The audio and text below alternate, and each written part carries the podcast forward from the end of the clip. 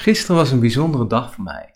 Naast dat ik aan het werk was, was het ook de dag dat we het as van mijn moeder samenvoegden met de boom die zij zou gaan worden. En ik merkte dat het heel bijzonder aanvoelde, dat moment. Dat je toch weer even stilstaat. Ja, ze is er niet meer, we missen haar. Maar toch ook samen haar zeg maar een soort nieuw leven geven. Een boom waar zij dus de voeding voor zal zijn. En um, we waren daar, eh, alle, eh, alle, kleinkinderen waren er. Het was een lekker chaotisch. Met schepjes aan de gang om het aarde te, husselen en de as te mengen. En uh, dat was eigenlijk een heel mooi ritueel. En wat ik daar merkte was dat eigenlijk het proces van verwerking heel veel verschillende fases heeft. En dat is niet erg. Ik weet nog, hè, eh, mijn moeder is heel lang ziek geweest. Een hele lange periode, uh, nou negen maanden, en kreeg te horen, ja, we kregen, uh, wanneer was het? Medio oktober, misschien november, december, zoiets. Ik weet niet meer precies, november denk ik. Dat te horen, ja, je moeder heeft nog drie maanden te leven. Ehm, dan begint de rollercoaster. Dan denk je, oh, hé, hey, wacht, het is ineens onverwacht. Helemaal uit het niets. Ja, je moeder gaat dood. Natuurlijk, iedereen gaat dood en dat is onderdeel van het leven. Maar hoe ga je daarmee om? Je kan je kop in het zand steken doen of er niks aan de hand is. Maar ja, eh, het werd wel zichtbaar. Vooral als de chemo begint, wordt het ineens allemaal zichtbaar. Haar valt uit. Uh, uh, de persoon die er was, is ineens, wordt ineens een andere persoon. En mijn moeder heeft negen maanden volgehouden. Ehm, negen maanden lang heeft zij uh, uh, alle overwachtingen overleef, overleefd. En in één keer ging het heel snel. Van het een op het andere moment. Chemo was klaar. En twee weken later was, heeft zij besloten om het leven te verlaten. En dat is helemaal goed. Dat voelde ook heel goed. Want we hadden wel een reis met z'n allen. Um, het klinkt misschien heel gek en um, ik wilde dit toch graag met jullie delen. Omdat het, uh, het was echt een reis. Stap voor stap. We werden bewust, hè, het is eindig. Maar het gaf ons ook hoop. Hoop dat ze nog even bij ons was. Want alle tijd was eigenlijk geleende tijd.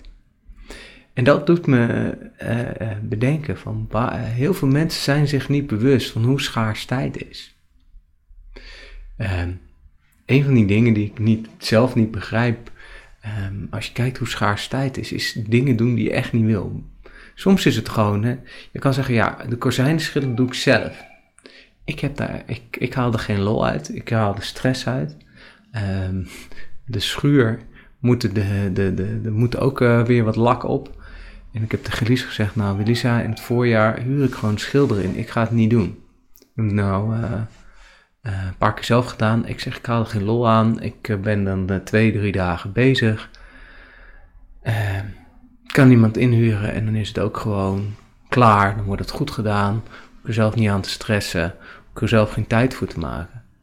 En dat is eigenlijk ook de boodschap die ik in deze podcast vandaag wil geven. Tijd is zo schaars. Dus doe vooral wat je dat goed voelt in het moment. Ga naar je gevoel. En wat wil jij nou zelf? Waar word je nou blij van?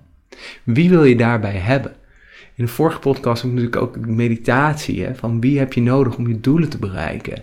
Daar had ik het over. Nou, die staat ondertussen op Instant Timer. Dus mocht je nog denken van... Hé, hey, ja, tijd is schaars. Tijd is gewoon schaars. En hoeveel tijd ons gegeven is, weten we niet. We hopen natuurlijk allemaal heel veel. Maar ja, uh, misschien, uh, hè, mijn moeder overleed en er was een mevrouw en ik weet het nog heel goed. En uh, het was een best wel een bijzondere uitvaart, want we zijn met een bakfiets, met allemaal fietsen zijn we van, het, van de plaats waar ze lag naar het crematorium gefietst. En er was dus iemand op een e-bike en die vond het allemaal niet snel genoeg gaan, want die, die kon niet zo langzaam fietsen. Nou, prima. Met zo'n bakfiets ga je niet zo snel natuurlijk. Uh, met een kist voorop. En daar zat geen, uh, was geen e-bike, zullen we zeggen. Dus mijn vader heeft haar aardig door moeten trappen. Maar wat, wat ik daar wel, uh, waarom ik dit aanduid, die mevrouw, ik, ik, weet, ik weet nog dat ze daar zat. En twee weken later kwam ze onder een bus terecht. Um, en die schok was eigenlijk voor mijn vader, want die kende niet meer Ik, ja, ik, dacht, oké, prima. Mijn vrouw is overleden onder een bus. Heel vervelend. Maar dat is veel plotser. Dat is veel, veel heftiger dan natuurlijk een heel proces waar je weet, het is eindig. En je, je ja, tuurlijk is het te snel. Maar je, je bent erop voorbereid. Ehm, en waar ik eigenlijk naartoe wil is, zeg maar, ik heb een heel mooi proces met mijn moeder mee kunnen maken. Hè? Want je weet dan, dus dan gaat uh, dingen, dan heb je de eerste schok, waarschijnlijk een stukje boosheid. Uh, dat heb ik zelf niet zo ervaren. Ik had vooral, ik wil mooie momenten. Ik wil gewoon nog een mooie herinnering. En voor mij was het met haar naar Artis. Met, de, uh, met de Jens, Gijs en Roald gingen we naar, met opa en oma, Lise was er ook bij, mijn vriendin, gingen we naar Artis. Dus drie kleinkinderen van de vier lekker in Artis. En ik weet niet of ik deze herinnering al een keer gedeeld heb. Het moment dat we in Artis hebben een aquarium. En zij zat op het bankje en de kids renden rond in die grote zaal waar allemaal vissen zaten. Helemaal lekker aan het stuiteren. En zij ging op de bank zitten, ik ging ernaast zitten.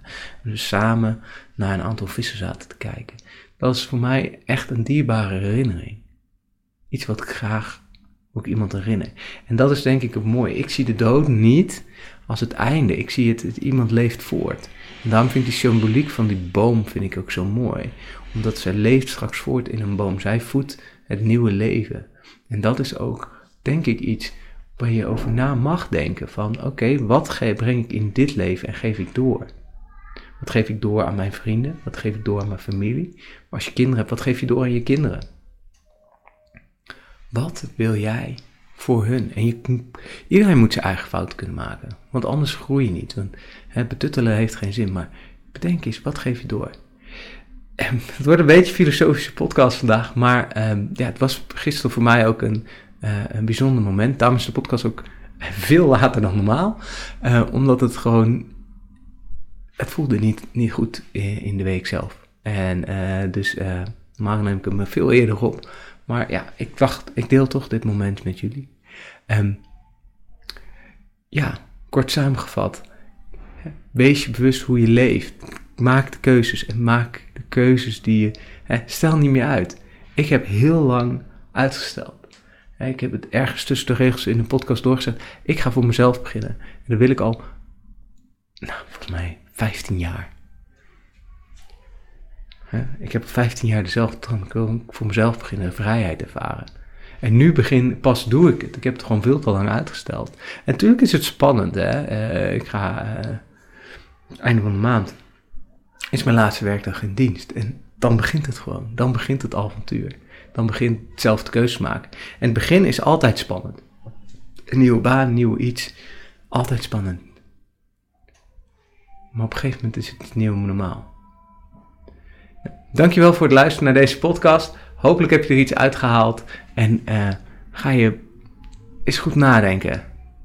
En wat heb jij nodig? Wat heb jij nodig? Nou, mocht je meer inspiratie hebben uh, uh, willen, check dan even de Linktree link. Daar staat ook mijn website, de podcast. Kun je naar mijn visualisaties. Op Inside Time staat een link. Je kan mij vinden op Inside Time Menno van Wieringen. Je kan me vinden op Instagram Menno van Wieringen. heb je vragen, stuur me gewoon een berichtje of een e-mailtje. En tot de volgende keer.